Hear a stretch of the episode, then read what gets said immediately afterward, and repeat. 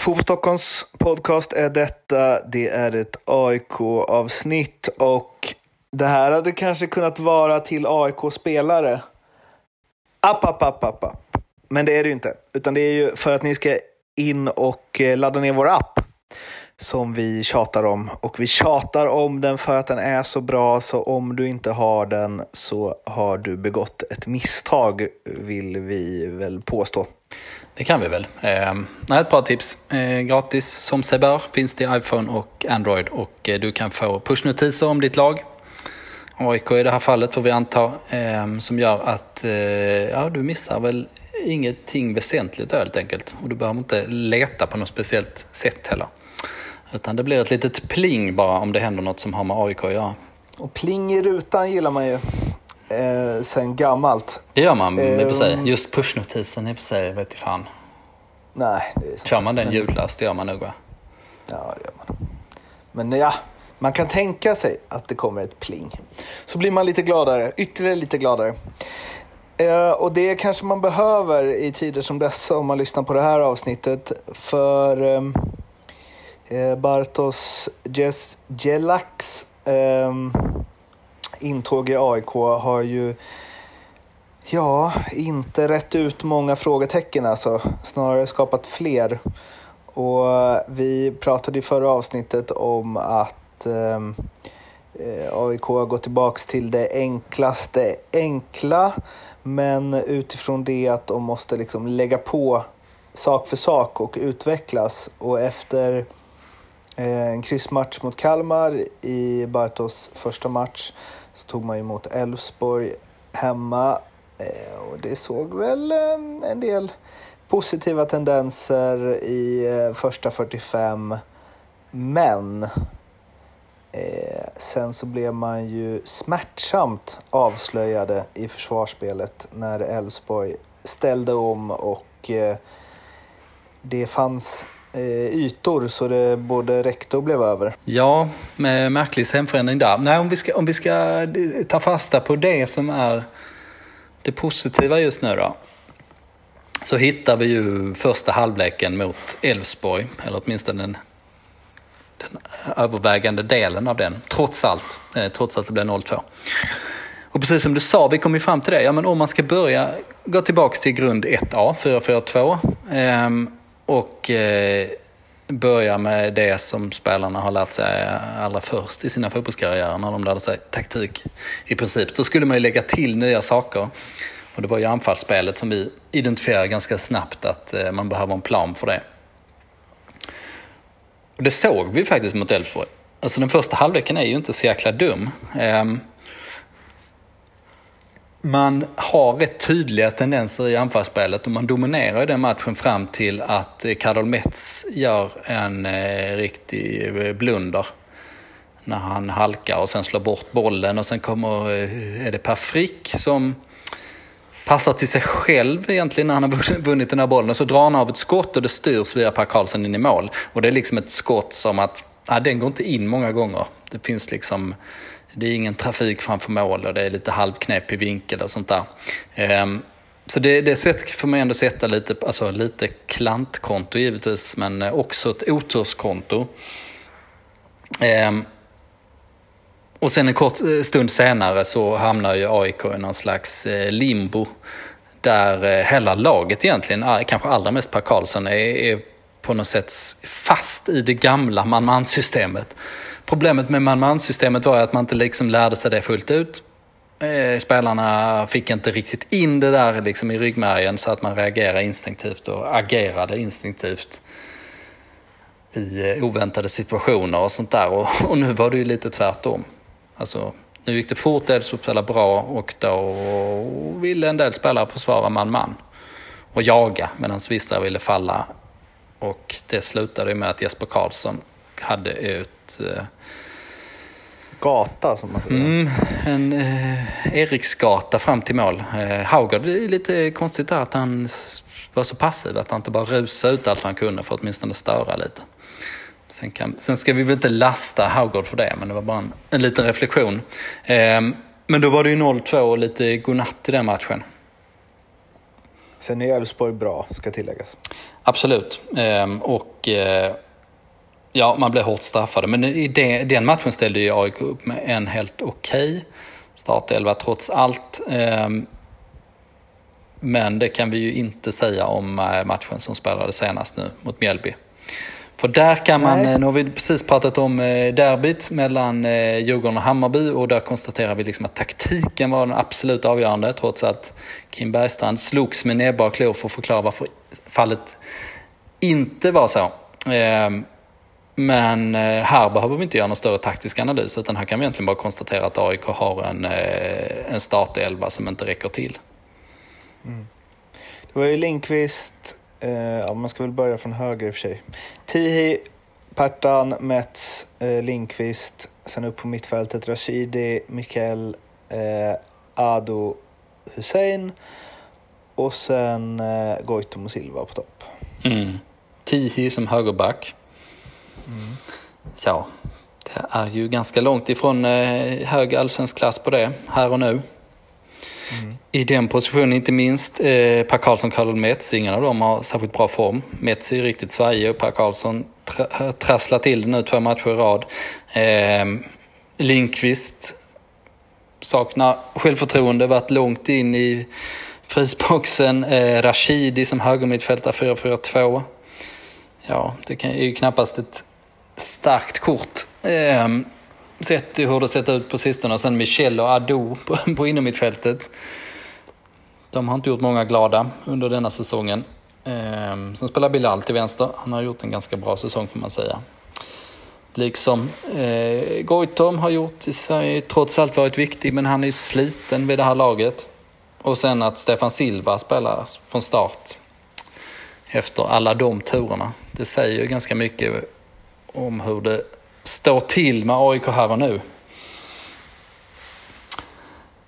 Och här och nu får man ju understryka för att nu var det ju en jäkla skadelista man plötsligt hade. Och den här skadelistan som ju innehåller Granli, Seb, eh, Colbain, Paulus Abraham, Illetupa, Otieno eh, är ju anmärkningsvärd får man ju säga. Ja, och eh, det får en fundera på om det här är en slump eller om det är eh, något som man bör korrigera.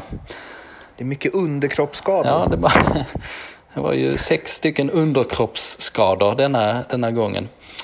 Mm. Så att dra några slutsatser om det är ju ganska svårt med just det underlaget. Det har varit för mycket beachträning ja, i AIK. Det kanske har varit för mycket bänkpress då helt enkelt. Mm. Um, Ja, nej det... Å, å andra sidan, vi måste säga det, är inte de flesta fotbollsskador underkroppsskador? Det kan man nog tänka sig, att det är 80, 80 procent eller något i den stilen. ja. um... Det är liksom inte som i hockey där man så här klämmer tummen eller får ett skott i munnen eller så. Nej, just det. Nej, det ska ganska mycket till för det. AIK hade i och för sig, Tom Strannegård hade ju en axelskada som höll honom borta länge. Men det tillhör väl Ovanlighetens, eh, trots allt. Nej, den här listan gör ju att man eh, sätter frågetecken eh, för träningen. Men som sagt, svårt att dra slutsatser. Och eh, elvan oaktat eh, skadelistan så får man ju konstatera att det är ju frukten av eh, ett strategiskt sportsligt arbete som inte har funkat särskilt bra de sista åren i vart fall när det, när det ser ut på eh, det sättet och matchen. Jag vet inte. Nej, jag tycker knappt vi behöver gå in och analysera så mycket. Det, man åkte dit och man räckte inte till.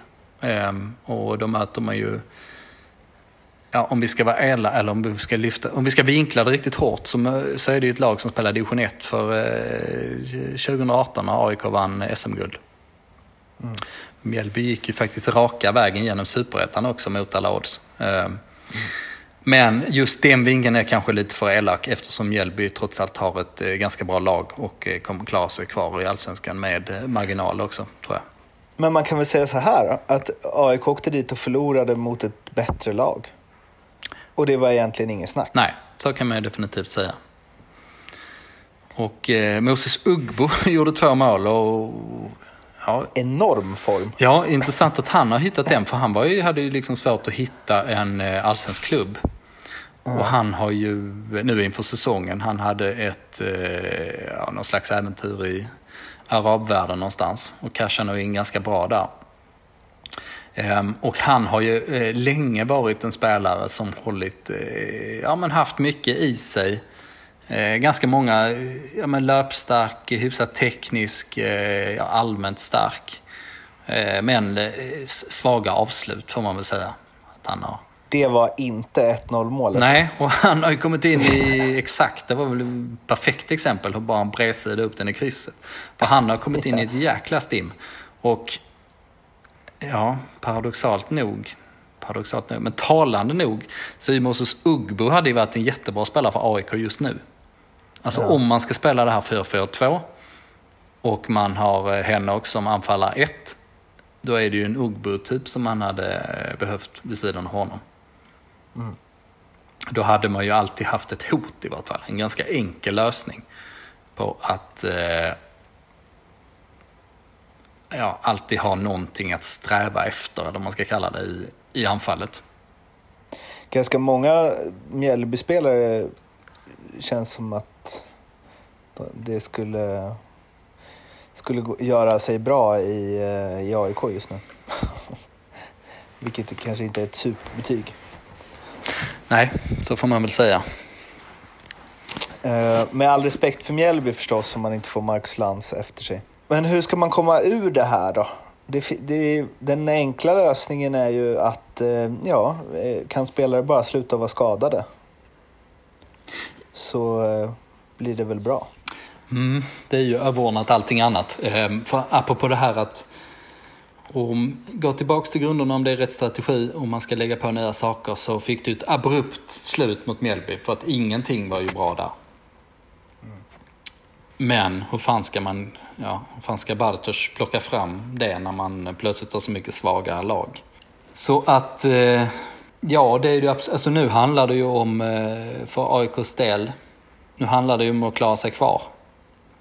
Nu har vi spelat snart halva säsongen och eh, det finns egentligen inget annat att eh, bry sig om. Och sen om man eh, har lite marginal mot slutet av säsongen så får man tänka på att sätta in de unga spelarna igen och blicka framåt och försöka hitta, börja liksom, ja, mejsla fram någon ideologi, alltså någon, en spelmodell som man tror på till nästa år. Men om man inte kommer dit, om det liksom kritiskt läge hela tiden, då är det ju bara att eh, plocka poäng som gäller och då är det ju, ja, skadelistan är överordnad allt annat.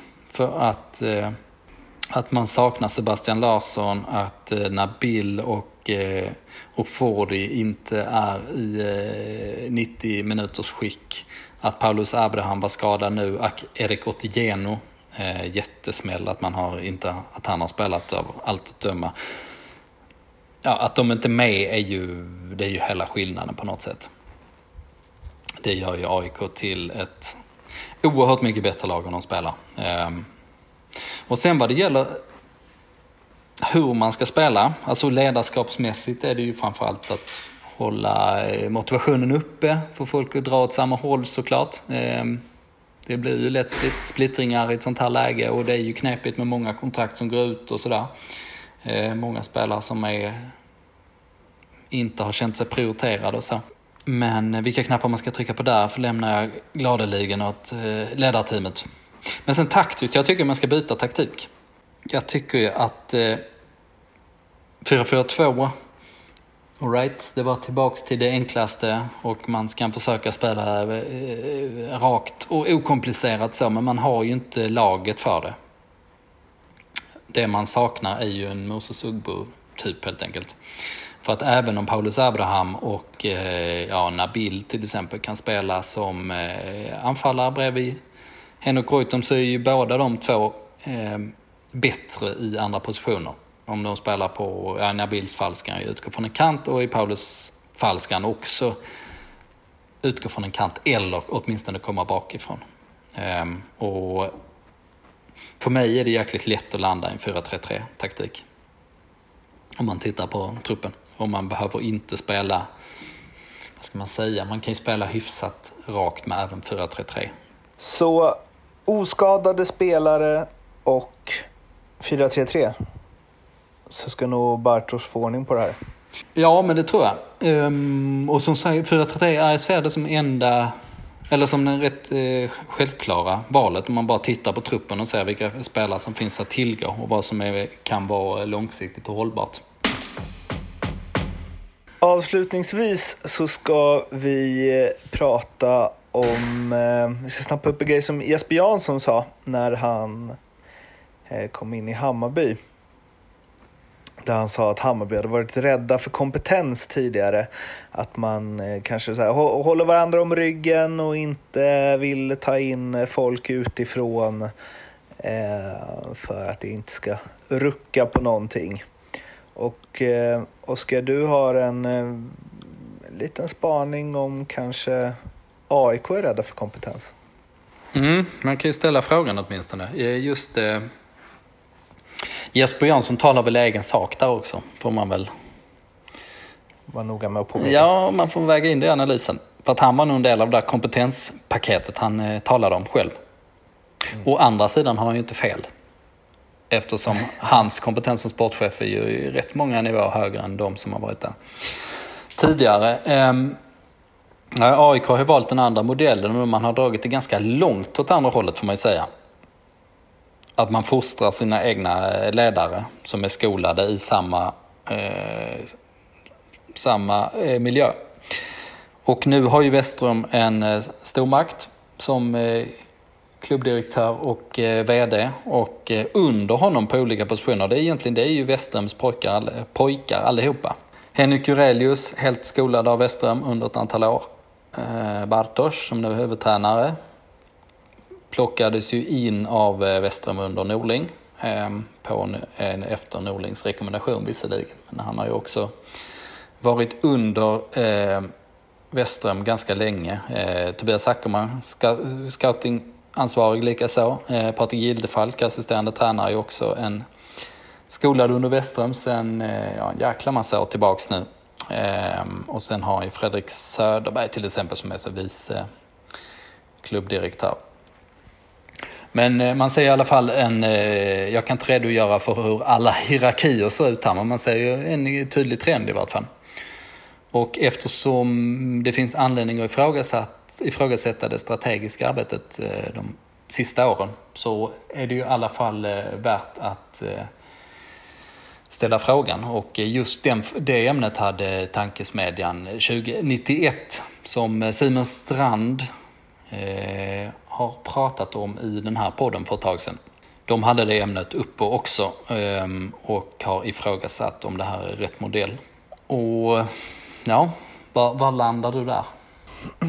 Att eh, bara för att det är skolat inom en klubb så betyder inte det att det inte finns kompetens i det. Och det kan ju vara tryggt på något sätt att eh, folk vet vad AIK är och att man har en viss... Det finns något speciellt med att vara i AIK och om man då har liksom växt upp i det och varit under vingar kring folk som har varit där länge så kan det vara en fördel. Sen så utgår jag någonstans ifrån att Westrum är en person som klarar högt i tak. Och det utgår jag ifrån att hela AIK är, en klubb som klarar högt i tak. Jag hade varit mer orolig, eh, Ehm, ja men lite så som Jesper Jansson sa om Bayern. men jag, jag tror jag hade varit mer orolig om det här var, om det här var situationen i Hammarby. Eh, för där så känns det som att det kanske var lite för mycket kompis kompis ett tag och man höll varandra om ryggen. Och, ja, folk kom in från, eh, det såg kanske satt på positioner som de inte hade kompetens till för, vi, om vi spolar tillbaka några år, superettan och så vidare. Men bara för det så får man ju inte så här förblindas av att, så här, att AIK är AIK. Utan det är ju, kan ju mycket väl vara så att de hade mått rätt bra av något som rörde runt här. Men då försöker jag också tänka på vilka rundrörare har varit bra för AIK. Mm. Och det är ju den eh, ja, centrala frågan såklart. Det är ju lätt att tycka utifrån att man bara ska ändra saker. Alltså det är lätt att eh, tycka, liksom när vi pratar fotboll, att man borde göra så här och så här. Liksom, trots att de sakerna kanske går stick i stäv med varandra. Eh, men jag tror i alla fall att eh, risken rent generellt är att man får liksom en eh, ja-sägarkultur kanske, som inte gör att man utvärderar så pass eh, kritiskt som man borde åtminstone. Mm. Och eh, nu har man till exempel pratat om det här med att eh, man ska satsa eh, betydligt mer på utveckling ehm, inför det här året ehm, istället för resultat. Jag tycker att vissa av de här analyserna har kommit lite för sent. Okej, okay, det är lätt för oss att sitta och podda om det och säga så här borde de göra. Och det är lättare att göra det på förhand eftersom ja, saker ska genomföras också. Det tar lite tid och man kan inte bara flytta på personer hur som helst. Liksom. Och det är inte ett, inte ett tv-spel man spelar. Men eh, eh, jag tycker ändå att eh, analyserna, de har varit ganska kraftfulla när de kommit, men de har kommit lite för sent. Ehm, så att jag efterlyser den här eh, strategin som jag pratar om. Att man bestämmer sig för vad man, vad man vill och eh, hur man kommer dit på ett eh, eh tydligt sätt. Ehm, och det arbetet måste inledas så fort man har eh, lite eh, näsan över vattenytan igen. För att nu handlar det ju om att eh, stanna kvar. Men strategin har man ju, som man har valt nu med att prata sporten, den ska man i alla fall anpassa efter Bartos för nu har han skrivit ett långt kontrakt. Så att även om man eh, tänker att det här slutar på allra sämsta sätt, liksom att man åker ner i superettan och så, då får man ju ha kvar Bartos. Eh, vilket jag visserligen skulle ty säkert tycka var rätt även då. Rannsak, Rannsakan och strategi. Eh, torra begrepp kanske, men eh, någonstans där måste man börja. Det man kan säga är väl i alla fall att de är i en knepig sits nu och allt det vi pratar om här som är liksom ovanför laget eh, påverkas ju liksom förstås av, av man tycker ju annorlunda om det beroende på vad resultatet på planen är de närmsta omgångarna bara. För nu har de liksom Östersund hemma, de har Falkenberg borta, de har Helsingborg hemma. Sju poäng skulle jag säga att AIK bör ta normalt sett. Och på förhand inför den här säsongen kanske de till och med borde tagit nio poäng i de matcherna. Om man ser till AIKs trupp kontra motståndarnas. Eh, och att det är hemma mot de lagen som eh, borde vara svårast. Men nu, som allsvenskan har sett ut nu, så jäkla jämnt som det är eh, i liksom nedre halvan och hur AIK har sett ut, skulle jag säga att det här är ett... För att vara ett sånt lätt schema så är det ett oerhört svårt schema. Mm. Ja, kanske. Um... Alltså för jag tror inte AIK mår bra av att gå in mot Östersund och känna att fan det här är ju, även om Bartos säger att det är ett bottenlag, hemma mot Östersund, det ska ju vara tre poäng. Borta mot Falkenberg ska också vara tre poäng. Hemma mot Helsingborg ska också vara tre poäng. Alltså allt under fem poäng är ju superunderkänt. Ja, så är det. Ja, skadeläget kommer avgöra vilket eh, lag man eh, ställer på benen. För att det är sån eh, stor skillnad mellan de två uppställningarna vi såg senast bara. Då var ju Elfsborg laget inte bästa möjliga. Och sen om man får tillbaks hälften av det här underkroppsgänget och spelar 4-3-3 så tror jag man fixar det. Ja, jag försöker alltid vända det till något positivt på slutet. Eh. Men eh, jag tror, eh, jag tror absolut ja. på, på det sättet. Eller att ja. man ska, ja, att man, att man bara fixar det ändå. För att, eh, ja, man kan eh, klanka ner på det här laget och tycka att de inte kan någonting. Men det finns ju ganska hyfsade spelare trots allt som man skulle kunna sätta på banan. Alltså om man spelar med eh, Nabil och Paulus på kanterna bredvid Goitom och man har ett eh, tremanna mittfält med Sebastian Larsson och Fori och eh, Bilal till exempel. Så ja, då, är man, eh, då ska man ju vara ett nummer större än eh, de här tre lagen som de möter nu. Liksom. Det är ju inget snack om saken. Så är det. Vi får väl se hur det går. Eh, ni kan få reda på hur det går om ni har vår app. Då får ni pushnotiser efter alla AIK-nyheter som kommer ut. Och sen så finns vi att snacka med framförallt på Twitter men även Instagram och Facebook. Så följ oss gärna där och skriv om ni har något att komma med. Vi hörs igen nästa vecka. Tills dess, må så gott. Hej då!